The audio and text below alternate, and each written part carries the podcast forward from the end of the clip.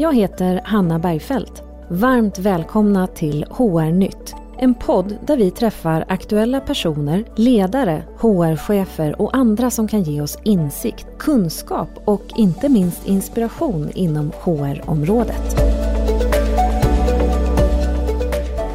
I dagens avsnitt har jag tänkt att vi ska prata om hälsosamma arbetsplatser. Och gästen jag bjudit in är före detta hockeyproffs som spelat i NHL i 18 säsonger. Och jag tror att de flesta känner till Mats Sundin. Mats är nu mer entreprenör och har bland annat grundat företaget IMR som erbjuder hälsorådgivning för hållbara medarbetare. IMR mäter och arbetar utifrån evidensbaserade nyckeltal och baserat på datan ger IMR förslag på individuella målsättningar för alla medarbetare och för företaget som helhet. Varmt välkommen Mats! Tack Hanna, vad kul att vara här! Ja, men vad roligt att du kom till slut! Ja, spännande! du, eller hur? Hur kommer det sig att du startade IMR? Eh, ja, eh, när vi flyttade hem här från, från Kanada efter en lång ishockeykarriär så eh, problemen när man är en, eh, håller på med elitidrott så är det oftast en ung kvinna eller en ung mans jobb så att säga, för det är ändå ett jobb. Så att man har liksom en, en biologisk begränsad tid när man kan hålla på med det arbetet. Så att jag var ju, kan man säga, pensionerad när jag var 38 år. Och försökte leta någonting som jag tyckte var väldigt intressant att, att hålla på med. Och då växte det fram efter några år att, och just eh, hälsa har, jag, har varit någonting som jag varit intresserad av. Jag hade ett nära samarbete med Sick Kids Hospital i Toronto under hela min karriär i Kanada. Och då bara handlar det mest om, om barn, men eh, eh väldigt, de var väldigt duktiga i Toronto Maple Leafs och se till så att spelarna också inte bara var duktiga på isen, man har väldigt mycket betalt, man tar ansvar utanför isen. Och det där hade jag lite med mig och ville hitta någonting runt hälsa och eh, tillsammans med Leif Larsson som är, har varit ansvarig på, ute på Bosön på idrottslabbet i över 20 år. Han jobbar med SOK. Så försökte vi eh, laborera runt och så vet vi idag att folkhälsan går verkligen åt fel håll generellt i Sverige. Vi tycker att näringslivet kan få hjälp att jobba med de här frågorna på ett, på ett riktigt sätt och evidensbaserat sätt. Så att väldigt förenklat så, så letar vi efter en, en metodik och vi, och vi byggde ett digitalt verktyg. Vi vill nå så många människor som möjligt. Eh, vi försökte hitta, kan man ta fram nyckeltal på en hållbar människa? Det är kan intressant. Man det?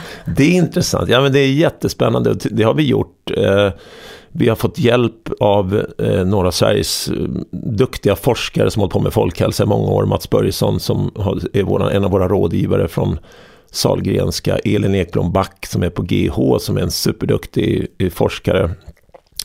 Att identifiera nyckeltal men också på något sätt diskutera vårt arbetssätt för att det finns någonting inom idrotten så IMR pratar ju aldrig egentligen om att tävla eller om, om träna, vilket man kan ha en förutfattad mening när man träffar oss första gången och ser vilka som är grundare. Men däremot så vet vi att för organisation och för människa så är det väldigt bra att veta var vi kommer ifrån för att förstå vad vi ska. Och då är det väldigt intressant att ha liksom en utgångspunkt som är validerad, både för dig som organisation och som, som människa. Då. Så att eh, vi tänkte så här, kan, kan vi få näringslivet, och det är det IMR försöker göra egentligen, att, att eh, ha ett bra strategiskt verktyg, för IMR är ett strategiskt verktyg för ledningsgrupp och för HR, att ta hand om människorna i sin organisation. Mm. Och därför grundade vi IMR. Det är ju en jättebra anledning tycker jag. Men, men, är, vi, är vi dåliga på att ta hand om människorna i företagen där ute? Eh, jag tror inte det. Jag tror alla företag någonstans vet att våra medarbetare är vår viktigaste tillgång. Jag tror många investerar väldigt mycket pengar i sina medarbetare.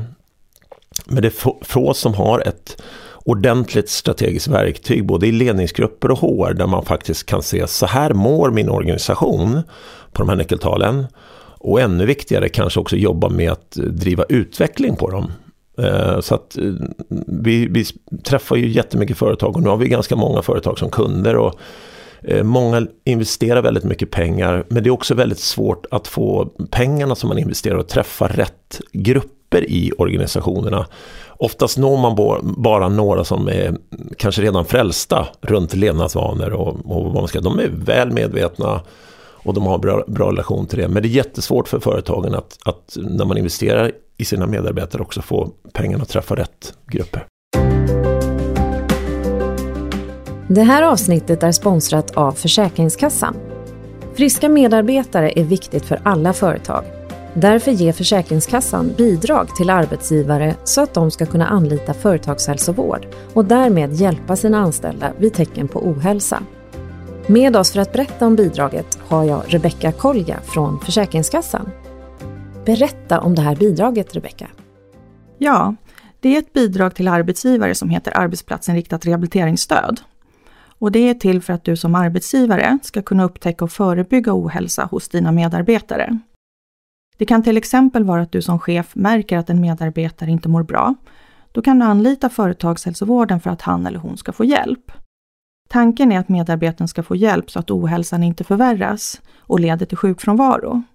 Men bidraget gäller ju såklart även för medarbetare som redan är sjukskrivna och behöver stöd för att kunna komma tillbaka i arbete igen. Vad fint det låter. Men hur mycket pengar är det man kan få? Som arbetsgivare kan du få halva kostnaden i bidrag, men som mest är det 10 000 kronor per medarbetare och år. Och vilken typ av insats är det som man kan få bidrag för då? Så länge det är insatser som syftar till att medarbetaren ska vara kvar eller komma tillbaka i arbete, så kan bidraget täcka många olika typer av insatser. Till exempel kan det handla om att en medarbetare behöver samtalsstöd om han eller hon känner stress eller mår psykiskt dåligt. Det kan också handla om att kartlägga eller utreda vilket behov av stöd en medarbetare har för att kunna vara kvar i arbete. Till exempel att anpassa arbetsplatsen eller arbetsuppgifter. Men företagshälsovården kan ju också hjälpa till att göra en plan för återgång i arbete för en medarbetare som redan är sjukskriven. Och det kan man också få bidrag för. Om man nu lyssnar på det här och eh, är intresserad av att söka det här bidraget, hur ska man göra som arbetsgivare? Det är väldigt enkelt. Arbetsgivaren kan gå in via vår e-tjänst på vår webbplats och bifoga fakturan och sen är det klart. Det låter väldigt enkelt, men hur lång tid tar det innan man får ersättningen? Inom 45 dagar. Det är ju fantastiskt.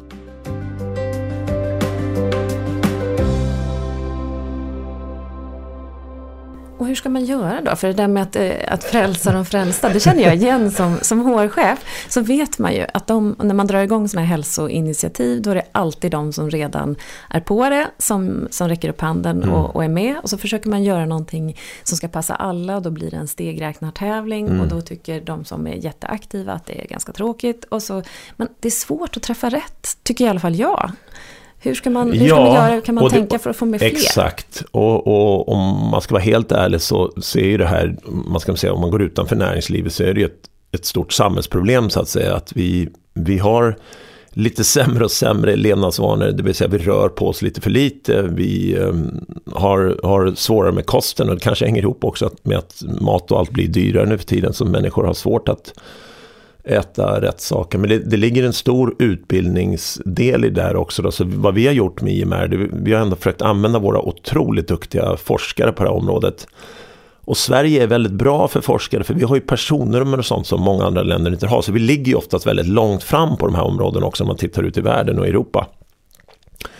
Men försöka ta den kompetensen och paketera det i, i den här digitala produkten som vi har byggt nu i över tre år, fyra år har vi hållit på med forskarna och sen allt man vet runt hur man hjälper en människa och runt nyckeltalen, vi kan nämna dem, vilka de är. Men att, att hjälpa individer helt enkelt, eh, skapa förändringar i sin vardag. Hur hanterar jag till exempel stress?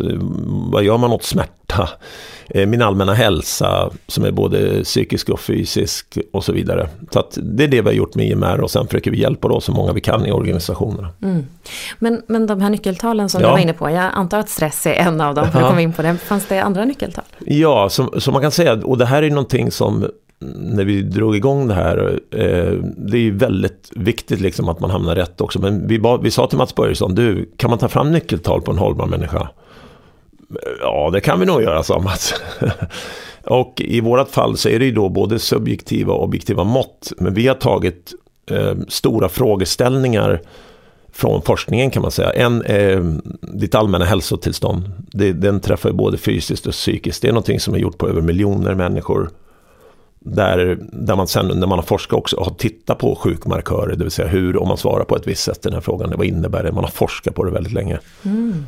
Stress, den kommer från eh, stressmedicin i Göteborg, också Sahlgrenska, eh, som används väldigt länge. Och då när vi hjälper organisationer så är det ju alltså negativt hälsofarlig stress. Vi alla människor upplever ju stress. Och det är ju bra kan det ju vara. Till, det gör så att vi är på tårna alerta. Men vi letar negativ stress, det vill säga när, du, när det är en sån stress som kan påverka din allmänna hälsa eller arbetsförmåga och så vidare. Eh, smärta, nyckeltal som är otroligt, som vi lärde oss de första åren att väldigt många upplever och har man ont, det är också någonting som jag tror beslutsfattare kan relatera till, att smärta vill vi få bort. Det spelar ingen roll om det är tjänsteföretag eller om det är folk som jobbar i verkstaden eller vad det är. Den, den påverkar vår allmänna hälsa, den gör att vi blir stressade. Och de här frågorna hänger ihop såklart. Eh, fysisk aktivitetsnivå mm. är viktig. Eh, vi har tagit faktiskt arbetsförmåga som är ett, från en stor studie i Finland eh, som är viktig. Så att, eh, det är några, vi vill, vi hoppas kunna lägga till redan innan det här året slut, kognition. Mm. Som också hänger ihop med de här sakerna. Så det är otroligt spännande arbete men alla de där som jag beskriver nu är också då väldigt kopplade till levnadsvanor. Ja. Ja, såklart. Ja. Och, och jag tänker vad spännande att få in kognition i det där sen. Det ja, super... Vi är inte där riktigt än, Nej. men vi håller på med det. Och ja. vi, hade, vi presenterade IMR, eh, jag och Oskar, för några otroligt duktiga forskare i ledande positioner på Karolinska och då sa de att det här är jättespännande vad ni gör, ni gör ett bra jobb, det är viktigt för näringslivet att ta ansvar här. Men kognition, den är ju så otroligt relevant för oss människor också för, för näringslivet men och den är också väldigt kopplad till de, de sakerna vi försöker göra. Mm. Men då har ni, nu har ni en bas med massa eh, fakta och massa evidensbaserade mm. siffror antar jag på hur man ska vara eller hur man ska gradera sig för att må som allra bäst. Mm. Hur gör ni sen? Får man då självskatta sig ja. eller får man ta ett litet blodprov? Exakt. Hur går det till? Ja men det är jättebra. Och de här, de här nyckeltalen som jag nämnde nu det är självskattningsfrågor. Och Skillnaden då när, man, när de är gjorda med så mycket människor över så lång tid och man också studerar vad det innebär när man svarar på vissa av de här nyckeltalen vi använder. Det gör också att med, med väldigt hög sannolikhet kan säga att när en organisation till exempel, när en HR eller en, en ledningsgrupp tittar på det här hur det ser ut. Då är det verkligen så. Det vill säga att man, det, det, allmän hälsa till exempel är en, en av de mest validerade frågeställningarna. Eh, men det som också är väldigt intressant det är att när du, och vi brukar göra de här frågeställningarna kanske två gånger per år någonting. Och när du då gör om det här om sex, fem eller sex månader och sker det förändringar på nyckeltalen. Ja men då är det faktiskt väldigt sannolikt att det är förändringar i och med att de är gjorda under, med, med så många människor. Så därför kan man säga att det liksom är en validerad frågeställning. Det är ett subjektivt mått. Sen använder vi också objektiva mått och vi har en del när man kan få en ögonblicksbild till exempel på sin fysik. För den är också väldigt viktig. Vi vet att konditionen för oss människor går neråt i Sverige. Den var bättre på 60-talet, den, den var sämre eh, på 90-talet och det slutar också åt fel håll. Och vi vet att konditionen sån här markör som är väldigt viktig för vår hälsa också. Mm. Eh, rörlig funktion, man kan få se hur man ligger till i, med styrka i ben och överkropp. Och det kan man, när vi är ute och träffar företag så kan man göra helt vanliga kläder, man behöver inte byta om. Det enda man, man kan inte ha högklackat säger vi. Men det är ingenting man inte svettas av. Så vi har, Elin Ekblom Back har tagit fram en en test för kondition till exempel som man, man inte ens, man blir lite varm, man behöver inte, men då kan man få ett, ett validerat mått på sin kondition till exempel. Perfekt, det är något vi kan göra här efteråt då kanske? Om du, om du vill det så ja, ordnar vi det. vill jag. det vill jag. Men vi behöver en liten sån här testcykel då. Men jag kan be dem komma det, hit det var den. en testcykel? Okay. Ja, den måste du tyvärr sitta på. Ah, okay. För det, det vad är typiskt. Ett, ett, sånt moment. Ja, vad synd att vi inte fick till det. Det var ju jättetypiskt. Men du, det hinner vi med. Vi kommer ju träffas igen. Exakt. Jag, jag var faktiskt ute och sprang igår och kände att eh, jag ska nog eh, göra det lite oftare. Det är skönt. Ja, efteråt. Ja. Jätteskönt. Just där och då är det inte alltid det. Det måste Nej, det... man väl ändå, liksom får man inte säga det? Det är ju ja, inte det är klart. Och vi, vad vi vet också med våra forskare som är att om man följer mediebrus idag. Det är därför också en sån det blir ännu mer, vad ska man säga, även rörelsen är segregerad på något sätt. Det blir ännu mer, de här som rör på sig redan gör otroligt mycket mer. Men de andra har liksom jättesvårt att relatera till, för det är inte alltid kul att springa fem kilometer eller, eller gå till gym och så här. Och det, det känner jag själv, men det är vardagsmotionen som är så otroligt viktig vad det gäller rörelse. Det vill säga man kan inte byta ut ett träningspass i veckan eller till och med två träningspass, två timmars träning i veckan mot att få in eh, rörelsen i vardagen. Och det är en av de stora problemen vi har haft, att vi blir mer, mer och mer stillasittande. Vi sitter mycket mer än någonsin och vi i Sverige sitter bland de mesta i hela Europa. Det kanske hänger ihop med klimat också. Kan ju vara ja, så. Men vi har tagit bort det här, eh, du vet när man, när man var väldigt fysiskt aktiv i ett jobb eller man gick till jobb eller tog bussen eller promenerade, cykla.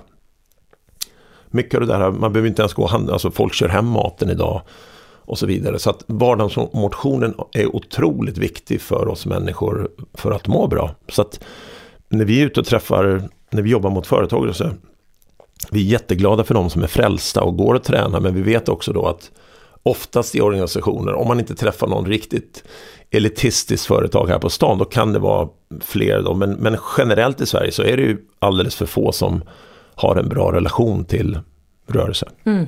Och hur får man igång de där då? Tillbaka till grundfrågan. De Exakt. Här, liksom... så, så vad IMR egentligen gör kan man säga då. Vi, vi har byggt, IMR har två ben kan man säga då. Och, och, när vi har byggt det här verktyget så är tanken att vi ska kunna ta oss an väldigt stora organisationer från, ja, nu jobbar vi med både små men flera tusentals anställda och större.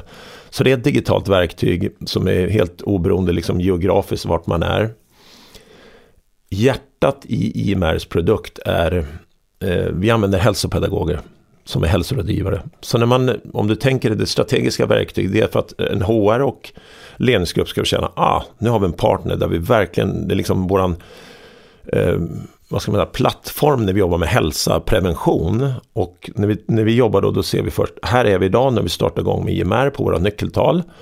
Och om fem sex månader kommer vi mäta igen. Och då jobbar IMR med, med driva utveckling med våra hälsopedagoger. Individuellt med medarbetarna. Men vi kommer till det. Mm. Vi har nu även eh, våra partners, vilket vi är otroligt stolta över. Och nu har vi några börsnoterade bolag som, precis som man gör med miljö och produkt, kan rapportera att de jobbar med hållbara medarbetare på ett evidensbaserat sätt. Det är perfekt.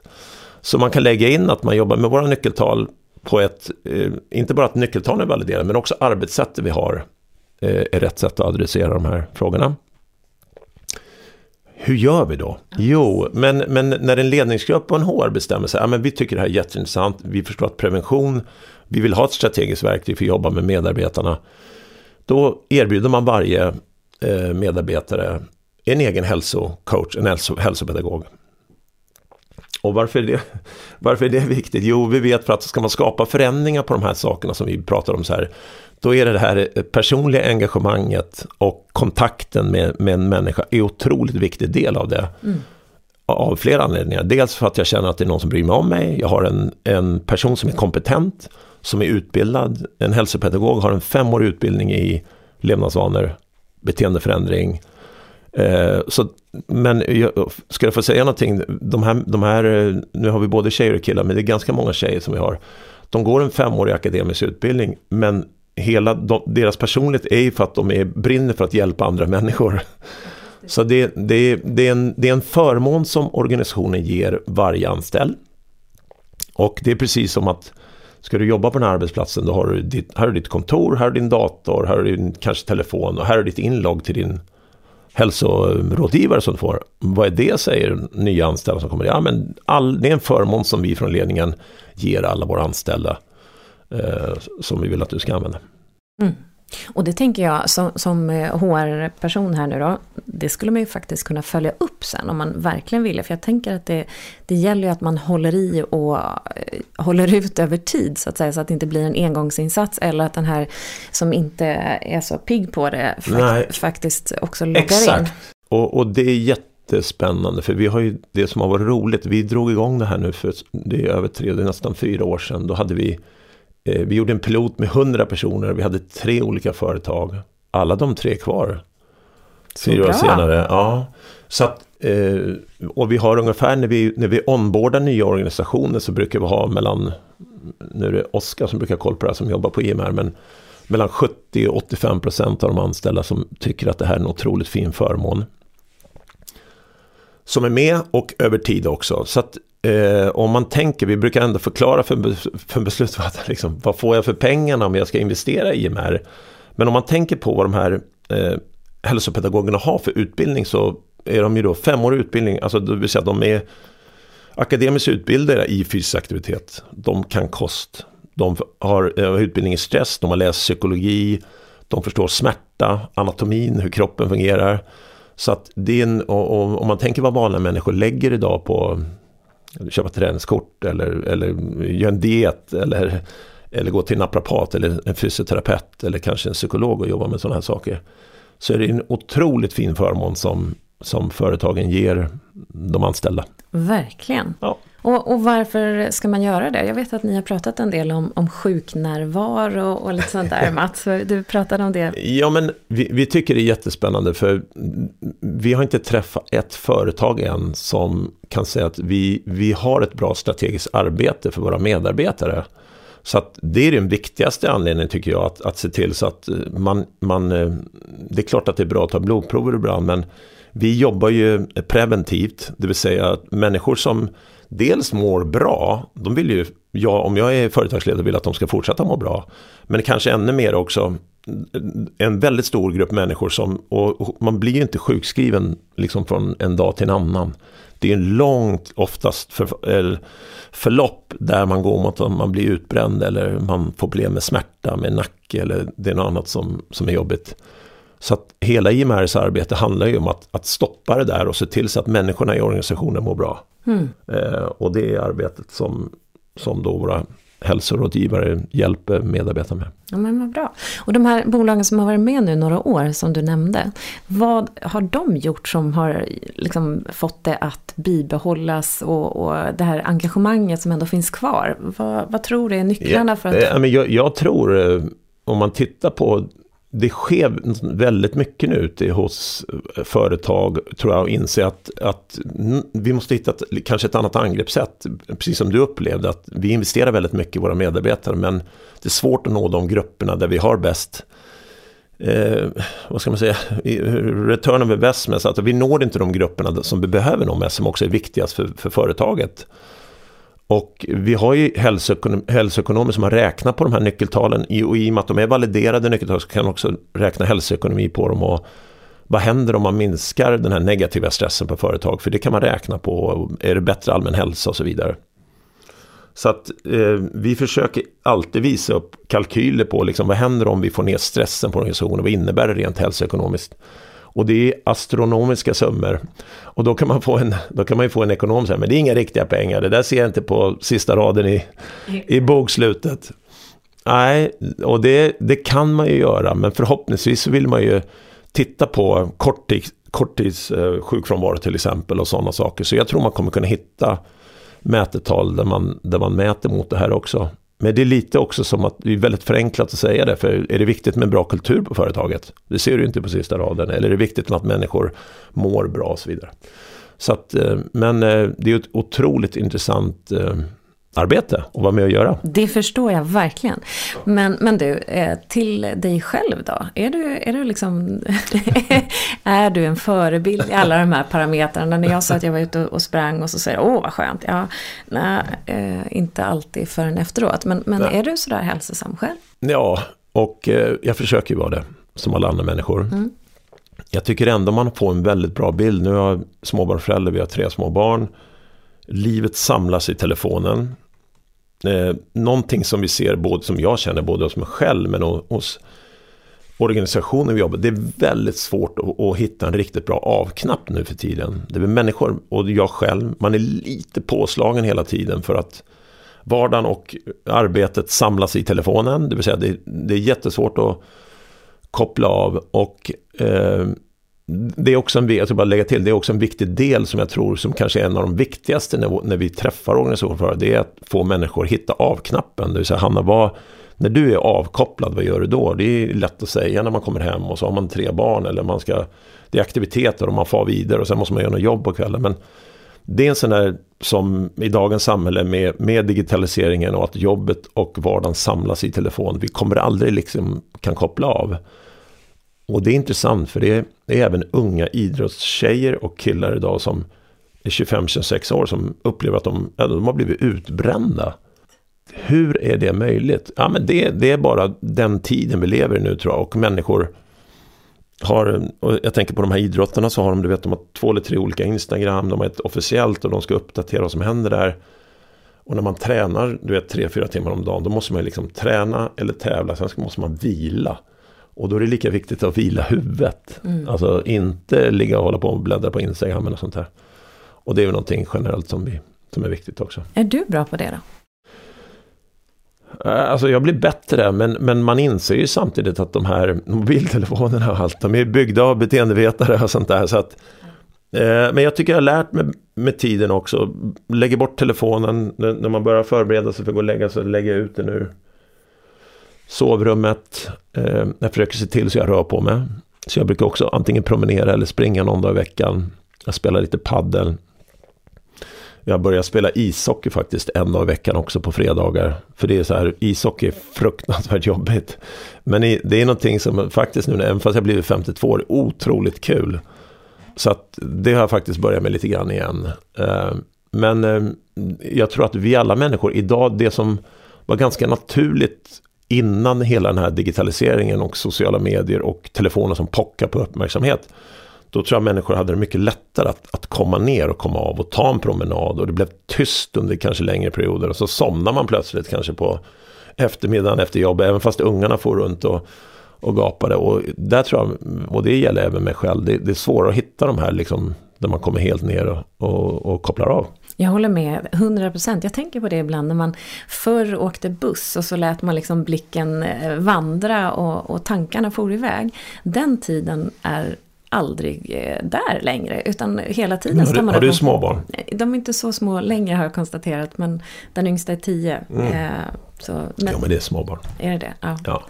Men, men däremot så kan jag känna att hur, hur man plötsligt är på Instagram och börjar se reels om hundar som gör tokiga saker och hur man, hur man efter en stund, så har det gått en timme så förstår man inte vad hände med den där timmen som aldrig kommer tillbaka i mitt liv. Jag har i och för sig skrattat lite men, men var det här väl investerat? Och det var, ju, det var ju faktiskt ingen återkoppling.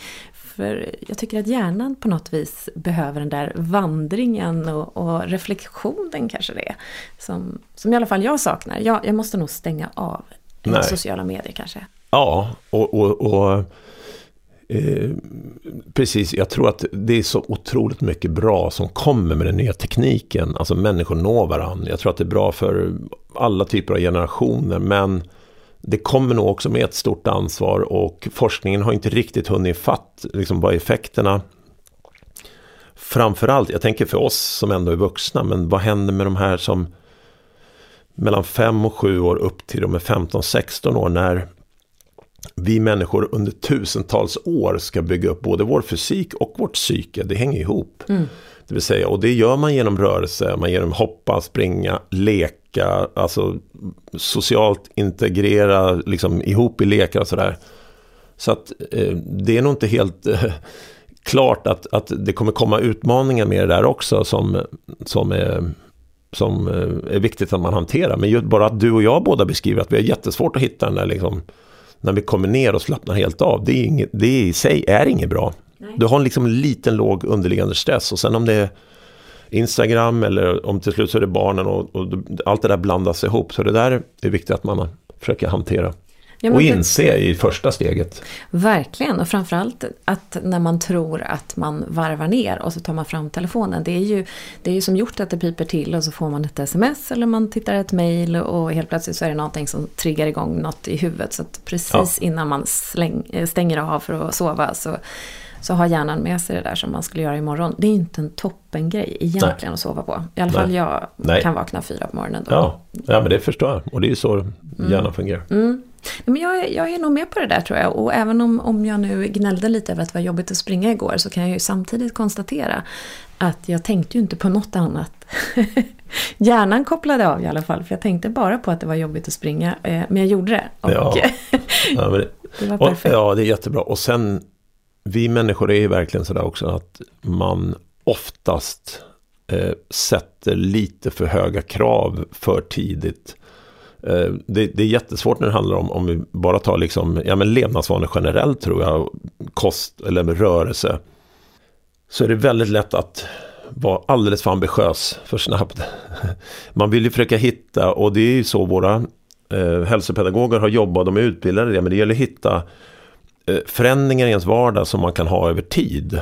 Sen om det handlar om rörelse eller om hur jag äter, om jag hjälper till att lägga en kostplan. För att det här är liksom eh, levnadsvanor och sånt här. Det finns liksom inga quick fixer egentligen. Och följer du dagens mediebrus runt dieter och eh, träningsprogram, rutor på magen på tre minuter om vad det är. Så jag tror människor har också väldigt svårt att, upp, att skaffa sig en uppfattning om liksom, vad är verklighet även på det här området, vilket är mm. jättesjukt. Liksom. Men det är ett enormt brus där ute av tusentals olika dieter som har väldigt liten evidens. Det är samma vad det gäller olika träningsmetoder. Men, men för de allra flesta människor, eller alla människor, så behöver vi hitta, liksom, om man pratar bara om rörelse till exempel, så behöver man hitta en bra relation till det. Och det handlar om eh, hur tar du till jobbet? Åker du buss? Kan du tänka dig att gå av en station tidigare? Alltså få in en rörelse i vardagen på något sätt som man också kan se till håller över tid. Mm. Så att eh, man ska inte bara gå ut och springa för hårt, för då vet ju vi människor att har man ingen bra upplevelse där, då kommer du alltid hitta en bra anledning till att inte göra det. Det, det, är sånt jag har lärt mig också. Alltid i slutet, om jag är ute och promenerar eller om jag har joggat eller någonting eller går ner och Då försöker jag alltid göra det väldigt lätt sista tio minuterna. Så jag upplever att äh, men det här var skönt. Det här kan jag tänka mig att göra igen i övermorgon. Eller något. Ja, just det. Ja, men det är perfekt att inte liksom ha blodsmak i munnen och mjölksyra i hela kroppen. Ja, ja. Det, det, kan vara skönt också. Om man, om, man, om man har nu kommit så långt i sin träning. Men de allra flesta är ju inte där. Och, utan då gäller det liksom ta det lugnare.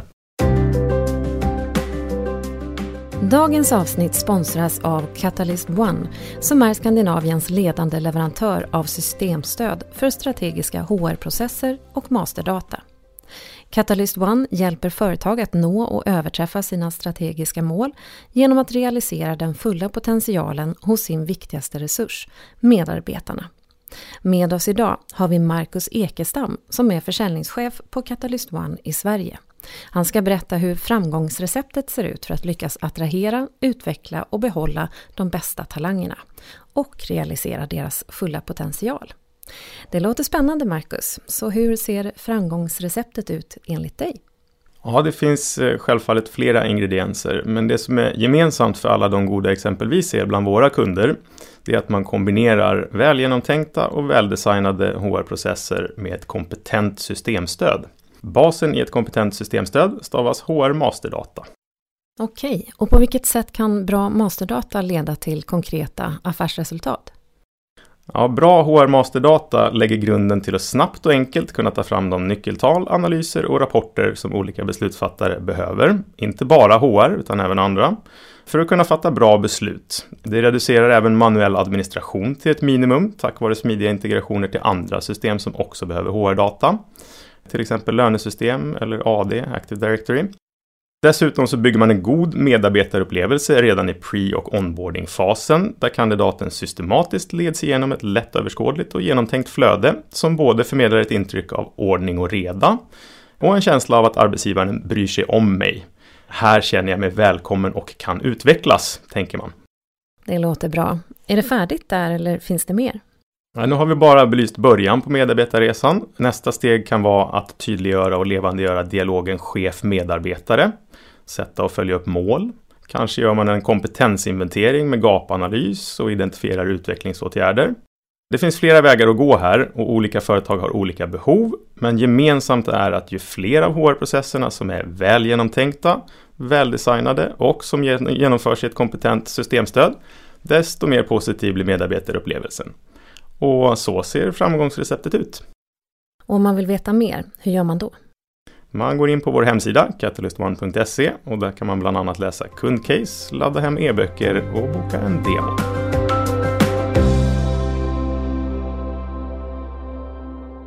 Jag tänker ibland sådär, när du pratar om rubriker och dieter och allt det där. Jag, jag, tror i alla fall att de allra flesta är ganska väl medvetna i teorin. Vad som är bra för mig, eller beslut som är, är bra för mig egentligen. Men sen så är det ju någonting med det där som som går per automatik eller man går in i en affär och så är utbudet jättestort av Mm. allt som man inte borde köpa. eller eh, helt plötsligt är det jätteskönt att åka bussen hela vägen fram till Mm. jobbet som du nämnde. sådär. Mm. Så det gäller ju på något vis att, att komma fram till vad funkar för, för en själv. Exakt. Ehm, Det är, Så. hela, det är hela nyckeln. Och inte Och- lura sig själv, för det tror jag att jag har gjort eh, historiskt. Eh, lurat mig själv lite. Det gör vi alla. Nu- nu- Det gör vi alla. Ja, vad skönt att du Ja, också ja. gjort det. Men, men att liksom nu ska jag bli en bättre människa, nu ska jag göra det här, Ja. här.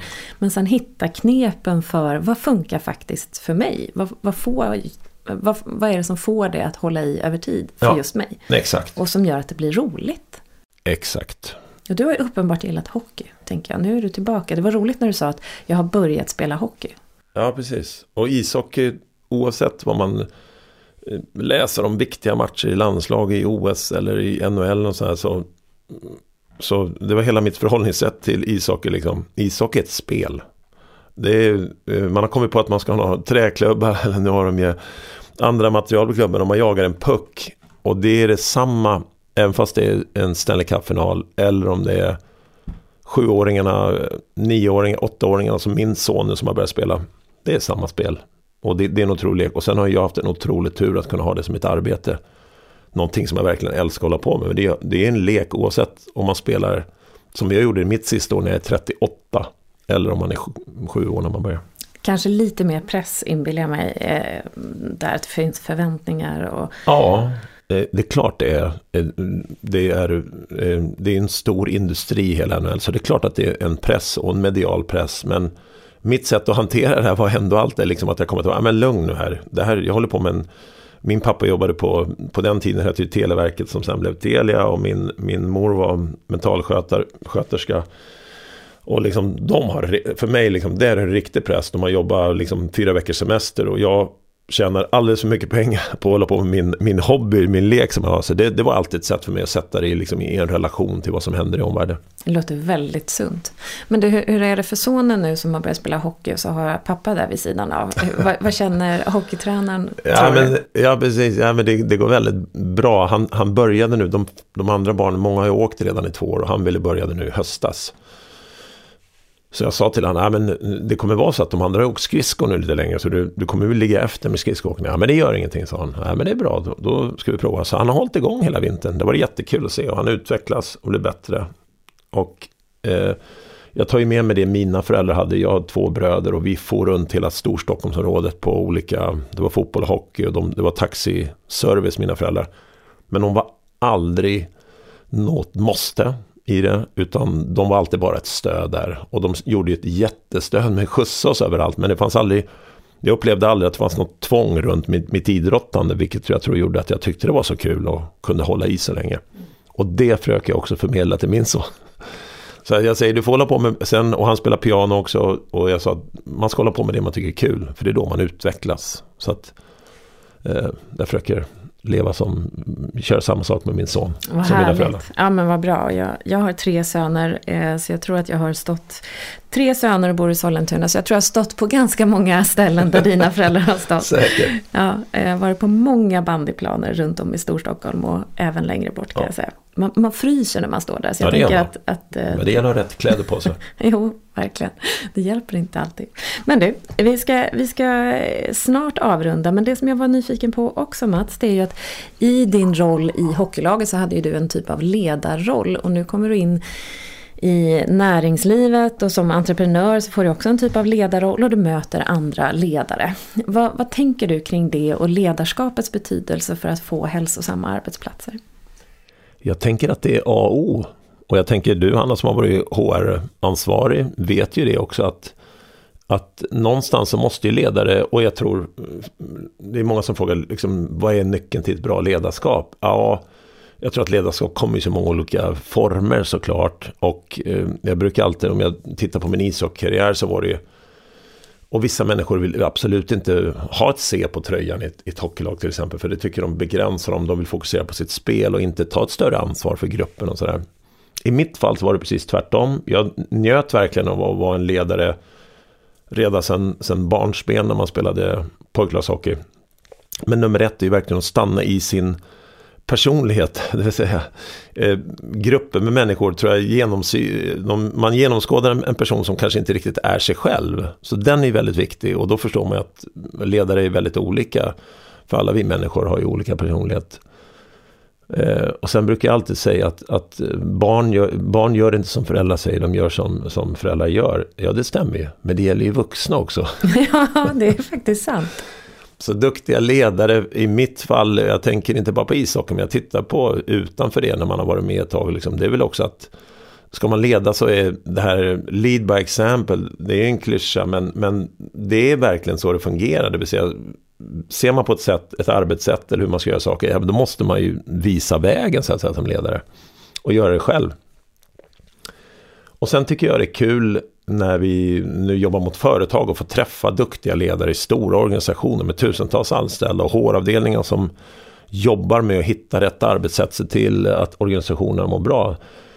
Då är det jättekul. Vi kommer med väldigt, eh, det är inte ny kunskap, men ändå ett, ett nytt eh, liksom, arbetssätt för att se till så att man jobbar med medarbetarna och faktiskt kan eh, hjälpa dem innan man hamnar, att det har gått för långt så att säga. Att man behöver, att, att man är utbränd eller man har fått en skada och så vidare. Utan faktiskt jobba med prevention. Så att, eh, ja, Spännande. Ledarskapet har stor betydelse. Jag hörde Nej. talas om ett eh, bolag, de hade en VD som, som verkligen, de har en VD, jag vet ju mycket väl. som har en VD som, som tog det där så pass seriöst så att han kopplade bonusmålen, alltså monetära mål, till hälsoaktiviteter. Så fick man själv vara med och sätta då vad man skulle uppnå. så vet jag att det var en kille som hade satt att han skulle springa något, något lopp eller antal antal kilometer eller kanske till och med mil på en viss tid. Eh, så var det väl någonting som hände längs vägen som gjorde att han inte sprang det där loppet. Jag kan inte alla detaljer så det blir ännu roligare historia nu. Men jag fick veta att den här vdn gav sig inte utan om du ska få den där bonusen då ska du springa. Så han tog dit ett löpband till receptionen. Apropå att du skulle trolla hit ett löpband nu. Ja. Eh, och den här killen sprang i receptionen eh, och fick sen sin bonus. Det, det kanske är att dra det till en ytterlighet, eller vad säger du? Eh, det är inte IMR i alla fall. Nej, det, är det, låter mer som, som kanske, men eh, jag kan ju inte just det där fallet. Men eh, så som vi jobbar är ju verkligen, precis som du beskrev det Hanna, att, att vi vet också att mycket handlar om att du måste utgå från varje individs förutsättningar. vad vill man ha för målsättningar? Alltså hur, hur når vi fram? Så det är, det är liksom kunskapsöverföring till en individ prata om de här hälsopedagogerna som vi använder som varje medarbetare får en chans att ha. De är utbildade i precis det du säger, det vill säga okej, okay, man pratar om vardagen. Alltså hur ser din vardag ut? Hur ser veckan ut? Eh, du får svara på de här frågorna runt våra nyckeltal, det vill säga det kanske är smärta som du vill prata om eller, eller du kommer inte ner i varv. Och så försöker man lägga en plan runt det, liksom, vart, vart kan vi komma åt dem där? Du beskrev bussen som jag också tycker är så fantastiskt bra. Där har man ändå en chans man behöver kanske inte ha hörlurar ens men att, att liksom komma ner och åker man buss en halvtimme eller 40 minuter när man ska någonstans. Så där är ju ett ypperligt tillfälle att, att göra precis som du skrev man var förut. Att det blir liksom ett brus runt omkring. Men man kommer verkligen av istället för att sitta och scrolla igenom sociala medier eller vad det nu kan vara. Så att den här individuella anpassningen och jag tror definitivt inte att alla hade hoppat på det där löparbandet i, i recessionen. Eh, utan det kanske är de grupperna som verkligen Eh, på något sätt redan är frälsta eller om benen kan få med sig några mer. Men för oss är inte, när vi säger rörelse, då handlar det verkligen om vardagsmotion och bygga in det. Sen älskar vi de som springer och, och, lyckas med det där. Men för oss så har de redan en väldigt, oftast en ganska bra relation, eller de har bra relation till fysisk aktivitet. Men det innebär inte att man inte har problem med smärta eller har väldigt jobbigt med stress och sånt där. Då finns det andra saker. Men framförallt så vill man ju nå alla andra så att säga. Och då, de är oftast, de allra flesta är inte intresserade av att tävla. De är inte så intresserade av att träna heller. Utan då är det andra saker man, man fick hjälpa till med. Just det. Så man tänker att vara förebild som ledare, det innebär inte att vara den som är allra bäst vältränad och inte heller att ställa sina medarbetare i receptionen på ett löpande utan kanske snarare att anpassa efter individens förmåga men genom det vara en förebild. Kan man summera det lite så? Ja men så är det och mm. ska, man, ska man då kunna eh, jobba strategiskt med de här nyckeltalen som jag beskriver? Jo, då, det blir otroligt som vi förstår i stora organisationer med tusentals anställda så så är det ju otroligt brett. Absolut inte alla som överhuvudtaget vill springa eller, eller träna och tävla. Så den här individanpassningen är ju helt avgörande. Eh, utan att säga att det är dåligt att göra det så måste man också hitta sätt där man kan hjälpa en stor, stor grupp. Och den är oftast mycket, mycket större i de allra flesta företagen som mm. inte vill det. Ja, det är sant. Så många bra tips eh, Mats. Allt ifrån att eh, låta ögonen vandra lite längs eh, bussresan för att faktiskt koppla ifrån mm. eh, stressen som sociala medier kan innebära. Mm. Men att eh, inte bara fokusera på de som redan är frälsta utan faktiskt den större målgruppen och titta på helheten. Och att vardagsrörelse är den mest eh, viktiga att få till egentligen. och att göra det med evidensbaserat forskningsunderlag är ju mm. det allra bästa, för då vet man att man får effekt. Mm. Super. Ja. Men du, sist men inte minst, jag brukar ju ställa frågor om misstag som en del av lärande. Ja, just det. Eh, ja, och du fick inte så mycket förberedelse på den frågan. Nej. Eh, men jag tänker att du får, ändå, du får den ändå. Ja. Har du något misstag som du kan dela med dig av, som du har gjort, som vi andra kan få? Exakt. Jag har nog redan gjort några misstag här på morgonen. Jag gav våran hund fel mat tror jag, så jag bara inser att hon, hon behöver... Det är ju riktigt klavertramp kan jag säga, det har jag också gjort någon och Det gör jag, men då gör jag det några veckor. Men sen nu har jag ju lärt mig av misstagen, men jag brukar liksom ha återfall där. Men, men eh, alltså alla människor gör ju misstag. Vi gör ju misstag dagligen ska jag säga någonting alla människor. Jag brukar säga den människa som säger att de aldrig gjort ett misstag, den ljuger. Mm. Utan det gör vi alla. Jag försöker tänka att jag försöker lära mig mina misstag. Mm. Och gör man alltid det, ja men oftast tycker jag i alla fall. Och man kanske måste göra dem ett par gånger, sen lär man sig. Mm. Eh, och, eh, ja, men, ja, och jag försöker tänka vad har vi mer gjort, vad har jag mer gjort för misstag? Men man gör det hela tiden, vare sig det gäller eh, det här entreprenörskapet som jag beskriver. Eller hundmaten. Eller min son hade för långa snören på skridskorna som, som tränaren sa till honom. Och det tycker han, tränaren tänkte nog att det borde Mats Sundin ha koll på. Men det hade jag inte. Och så fick vi fixa det. Så att, du, men nu har jag lärt mig. Så nu, nu, är, nu är skridskosnörena perfekta Perfekt. Det är bra Mats. Och då tänker jag att det, det som kan vara bra för dig att skaffa också, det tror jag att du har, det är vaxade skridskosnörren. För det lärde jag mig, apropå skridskosnören, att det är sjukt, sjukt jobbigt att knyta skridskor med ovaxade skridskosnören. Så att eh, där fick jag har haft både och. Ja, jag kan tänka mig det. Jag kan tänka mig det. Jag tyckte ändå det var lite roligt att jag fick avsluta i skridskoproffset ett skridskotips. Ja, Perfekt. du, tack snälla för att du kom hit och delade med dig. Eh, jätteroligt att ha dig här. Många inspirerande tips. Mm. Tusen tack. Tack för att jag fick komma. Såklart. Jättekul.